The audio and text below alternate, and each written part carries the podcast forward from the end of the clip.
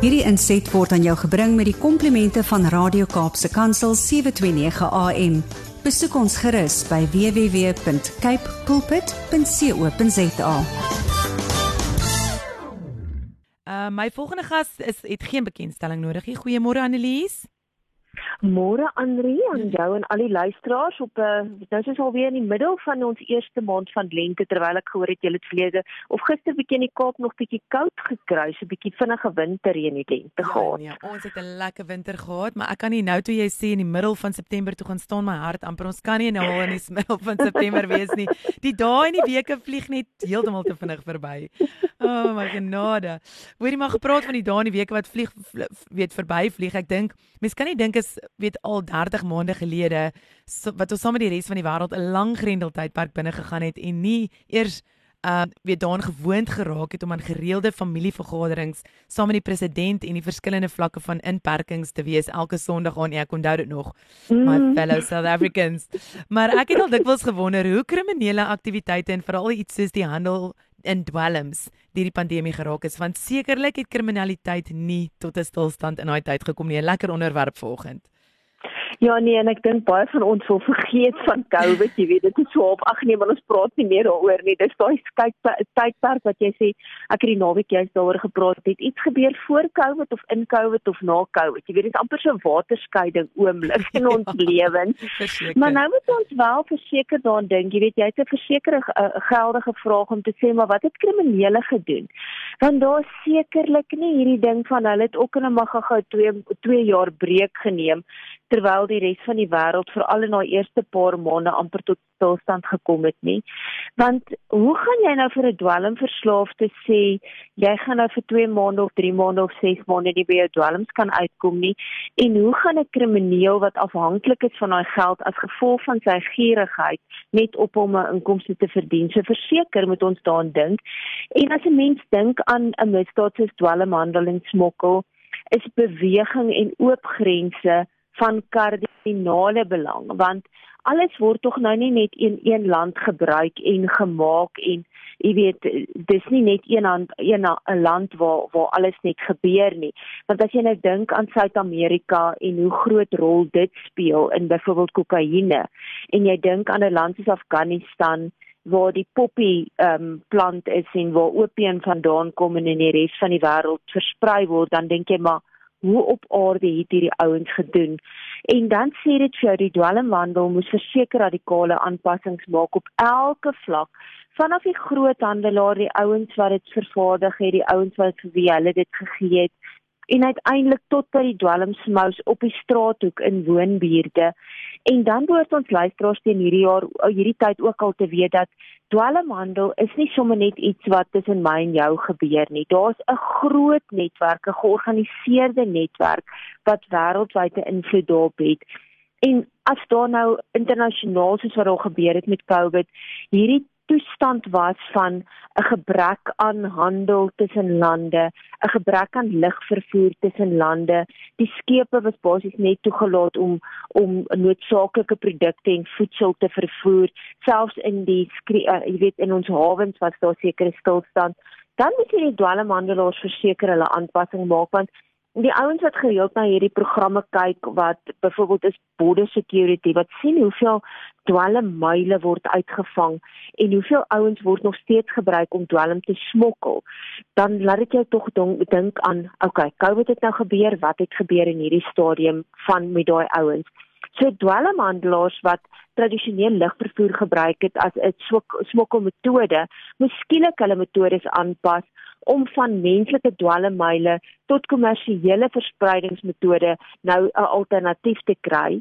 En dit het natuurlik daartoe gelei dat dwelmpryse ook gestyg het en so op 'n ligter noot die ouens wat afhanklik is van hulle nikotienstokkies het ook in die COVID periode mos geweet, hulle het bietjie duurder betaal vir hulle sigarette wat hulle op onwettige maniere in die hand in die hande gekry het toe daar 'n verbod op sigarette was Nou so ook het die dwelmpryse tydens die pandemie gestyg met tussen 100 en 300% omdat hierdie ouens nou nie hulle tradisionele metodes kon gebruik om dit te versprei nie. Liewe genade, dit is baie baie hoog.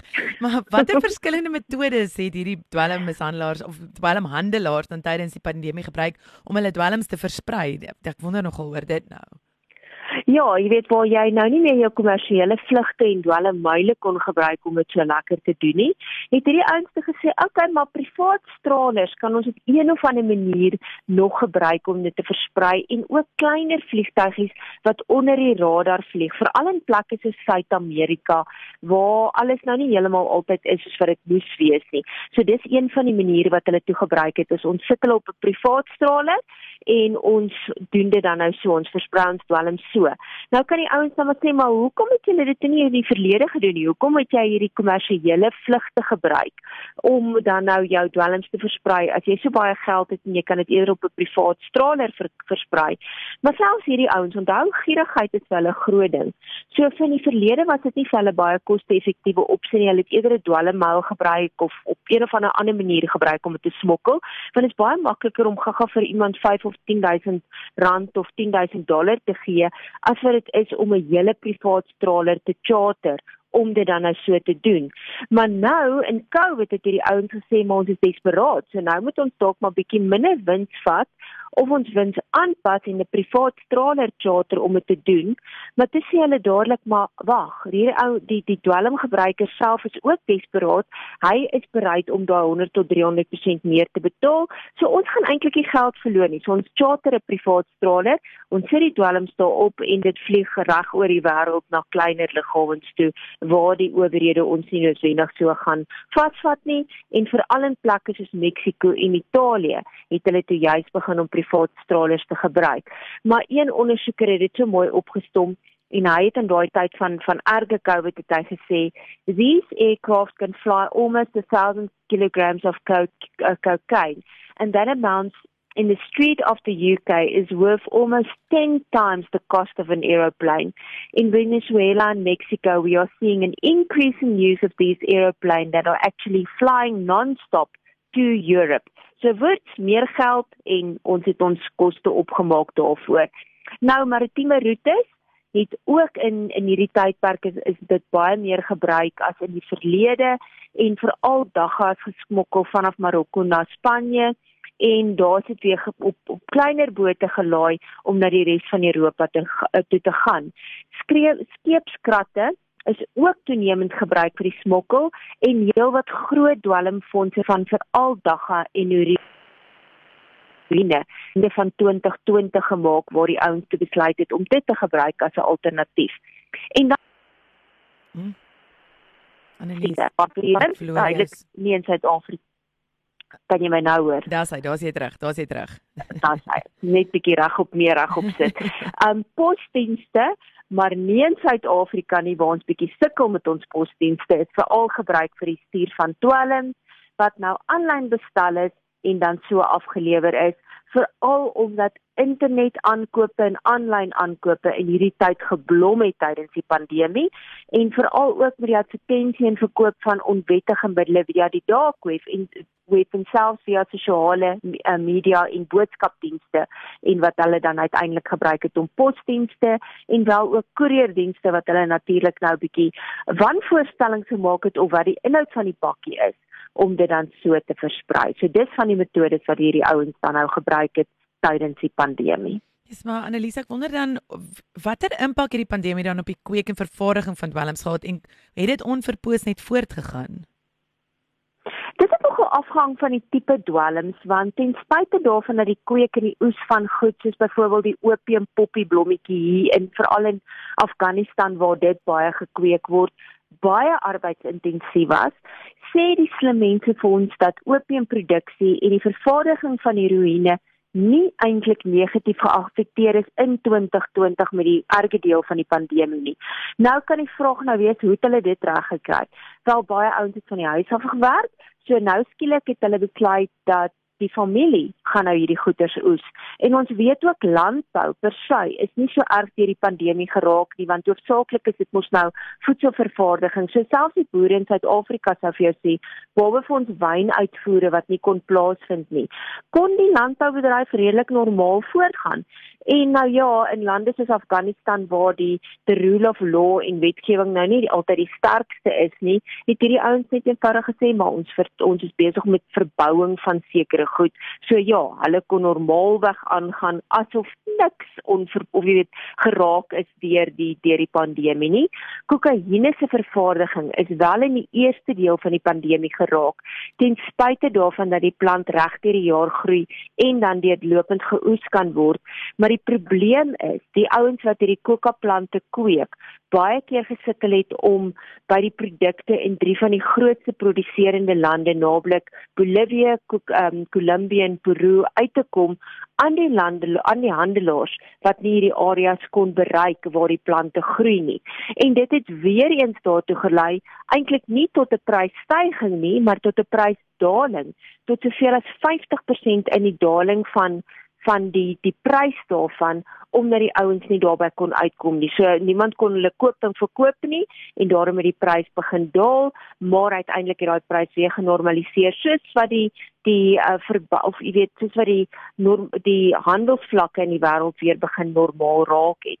In Asië wel was daar die vervaardiging van sintetiese dwelmmiddels wat op 'n manier wel bietjie geraak is daardeur omdat die ouens gesukkel het om van die bestanddele van hierdie goed in die hande te kry. En dan praat ons nou van sintetiese dwelmmiddels soos metamfetamiene, ecstasy en mandrake. So hulle kon nie die bestanddele soos wat ek en jy bestanddele nodig het vir koekpak, kon hierdie ouens nie die bestanddele in die hande kry om hulle sintetiese dwelmmiddels te vervaardig nie. En dit het uiteindelik daarin gelei dat daar 'n groot afname was in die vervaardiging van sintetiese dwelmmiddels en die prys van metamfetamiene in die FSA het verskriklik opgeskiet as gevolg daarvan. Nou een ding wat wel nie 'n invloed gehad het nie, was dagga, want dit word in groot dele reg oor die wêreld vervaardig. Dit word dus sommer net intern in die lande versprei as gevolg van verskillende maniere hoe hierdie ouens dit ook al doen. En so COVID het nie regtig 'n invloed gehad op daggehandel nie. Een ouens wat kon sê, mm, "Ons kan normaalweg aangaan." So, jy weet selfs ouens wat verveeld was het besluit, "Kom ons kyk bietjie hoe voel dit om dagga te rook in hierdie tydperk." Om te kweek in daai tydperk en te vervaardig. Om te kweek.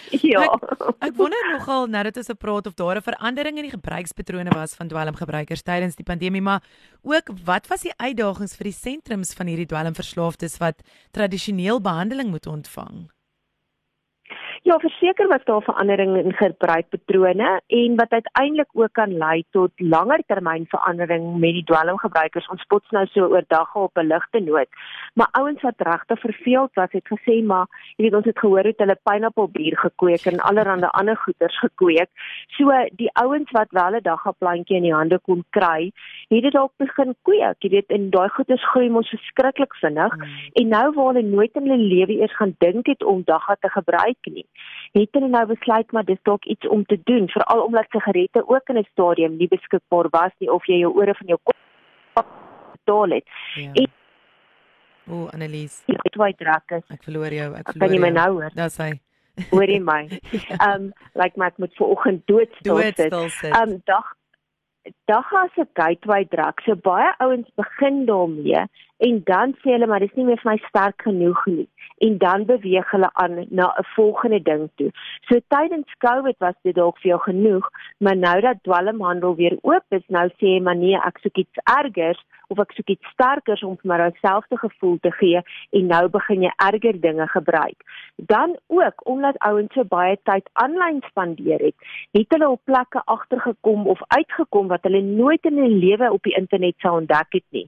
En so het hulle ook met sosiale media advertensies begin reageer op hierdie goed en het dit gelei tot die die misbruik of eksperimentering met dwelm soos LSD en kokaine en ecstasy wat baie keer gebruik word vir rekreasie of ontspannende doeleindes of sosiaal So dis 'n groot groot probleem. So hierdie ouens wat nou nie kon reis of kon werk tydens die inperking nie, het hierdie verveeltyd wat hulle gebruik het op die internet mee rondgespeel en hulle het begin eksperimenteer daarmee. Ouens het dit vir hulle afgelewer in noodwendig in Suid-Afrika nie, maar in alle wêrelddele en uiteindelik kan dit lei tot groter dwelmprobleme in die res van die wêreld op 'n baie baie langer termyn uh jy weet op 'n langer termyn tydperk. En uiteindelik is daar ook dan nou ouens wat begin het om jy weet hulle komplekse dwelmgewoontes nou het dit tot uitbreiding gelei want hulle het 'n groter keuse as gevolg van aanlyn wat aanlyn beskikbaar is. Maar om by jou vraag uit te kom ten opsigte van die instansies, jy weet hierdie ouens kon nie net skielik sê maar nou sny ek die dwelmverslaafdes af nie. Wat het met hulle begin gebeur? So hierdie ouens wat afhanklik is van programme om hulle te help om hulle dwelmmisbruik te bestuur om te sorg dat hulle nie 'n oordosis leen nie. Uiteindelik met nogal 'n 'n op 'n pandemie van hulle eie potensiaal wat hulle gesukkel het mee. En in Amerika het dit ook gelei tot 'n baie baie groot krisis want daar's 'n baie groot probleem met 'n opiate krisis waar ouens heroïne en sintetiese opiate soos fentanyl misbruik wat soveel as 50 tot 100 keer sterker is as morfine en ja. baie ouens het as gevolg van 'n oordosis gesterf omdat dit nie beheer is nie. In Suid-Afrika en in ander lande het die ouens gesê, "Maar kom ons kyk of ons nie op 'n aanlyn manier kan kyk hoe ons hierdie ouens kan help om in plaas van persoonlike berading en en bestuur daarmee dit op so 'n manier te doen nie." So hulle het gaan aan uh, jy weet aangeskuif na aanlyn platforms toe vir afstandberading en selfs die aflewering van dwelmbeheermiddels sonder persoonlike kontak. Ek weet in in, in uh, Durban was daar plekke waar hulle die straatgebruikers van van hierdie goed wat verslaaf is aan sekere middele, het hulle op 'n manier hulle so geakkommodeer. Ek kan nie die detail daarvan onthou nie, maar ek weet dit was nogal groot in die pandemie, waarvan die universiteite betrokke geraak het om hierdie ouens op 'n manier nog steeds op 'n daai ehm um, middele te ge, te gee wat hulle help om hulle verslawing aan heroïne en so aan meer op 'n bietjie in te perk. So dit is nogal groot. Jy weet dit is belangrik hoe hierdie ouens dan nou ook in aangepas het daarmee. Maar ek dink aan die einde van die dag weet ons dat COVID die die uh, wêreld op baie vlakke geraak het. Ons gesondheid, ons gedrag, ons inkoopiegewoontes, ouens wat nou skielik agtergekom het hulle kan hulle dwelms via die internet bestel, via sosiale media bestel, Snapchat, sulke tipe van goeders. Ehm um, selfs op gewone platforms soos uh jy weet op op Twitter en so aan het hierdie ouens gekyk hoe hulle hulle goed kan bestel. Maar dit het ook misdadigers geraak en hulle het beter en nuwe maniere ontwikkel om hulle onwettige goedere te adverteer en te versprei. En ek dink dit is 'n belangrike les vir wetstoepassingsagentskappe dat selfs al is daar weer 'n ander pandemie wat soortgelyk is aan COVID, dan is daar hierdie syndikaate nog steeds aktief. Hulle aktiwiteite gaan nog steeds aan want nie is iets soos COVID kon hulle totaliteit inperk nie. En as jy een van daai ouens is wat nou skielik in COVID en selfs daarna begin sukkel het met 'n verslawing van 'n ander aard is dit belangrik dat jy uitreik vir hulp. Dis nooit te laat nie. En ek wil afsluit met 'n nommer vir watter verslawing dit ook al is. Maak nie saak of dit dwelms of drank of enigiets is nie. 0800 12 13 14 of die SMS nommer 32312 is 'n nommer wat jy altyd op jou foon moet hê. As jy dit nie gebruik nie, gee dit vir 'n vriend, 'n familielid, 'n 'n kollega wat dalk sou uh, sukkel met 'n verslawing. Laat hulle by professionele mense uitkom. 0800 12 13 14. Dis so 'n maklike nommer om te onthou of SMS 32312 vir hulp onthou net die eerste stap vir genesing is om te vra te vra vir hulp. Dis nie swakheid nie, dit wys jy werk, jy wil iets daaraan doen en jy wil hulp kry. Jo, Annelies, vreeslik baie dankie. Ek dis, dink is verskriklik belangrik dat ons daai nommers net sommer weer herhaal vir almal. Dis 0800 121314 se 121314 of 'n SMS lyn na 32312. En ehm um, ja, ek dink daar's baie meer mense wat daarmee sukkel daar buite as wat ons dink en dit is 'n uh, dis definitief 'n realiteit tussen veral ons jong mense daar buite en dankie vir jou insiggewende onderwerp vandag en dat ons sommer net lekker kon gesels het. Baie dankie, is altyd vir my 'n voorreg en sterkte met almal se res van die week of jy nou somer of lente het of wat jou uitdagings ook al is. Ons praat DP volgende week bietjie verder oor dwelms. Ek dink ons gaan dan bietjie praat oor hierdie oor hierdie sintetiese dwelmmiddels wat nou so groot uh, op uh jy weet probleme is in die wêreld en nie net meer jou gewone kokaine en heroïne nie. Verseker, ek sien verskriklik uit daarna Annelise. Ek herinner julle dat julle by Servamus op hulle webtuiste kan gaan kyk um sosiale media platforms by Servamus of dan nou vir Annelise by @annelise@servamus.co.za kan mail. Gaan skakel in, gaan gaan raak betrokke by die gemeenskapsgebaseerde veiligheids- en sekuriteitstydskrif. Annelise, baie dankie. Ons kuier volgende week. Ek sien uit om weer saam te kuier met jou. Dieselfde, mooi bly. Dankie, lekker dag. Dankie totsiens. Hierdie inset was aan jou gebring met die komplimente van Radio Kaapse Kansel 729 AM. Besoek ons gerus by www.cape pulpit.co.za.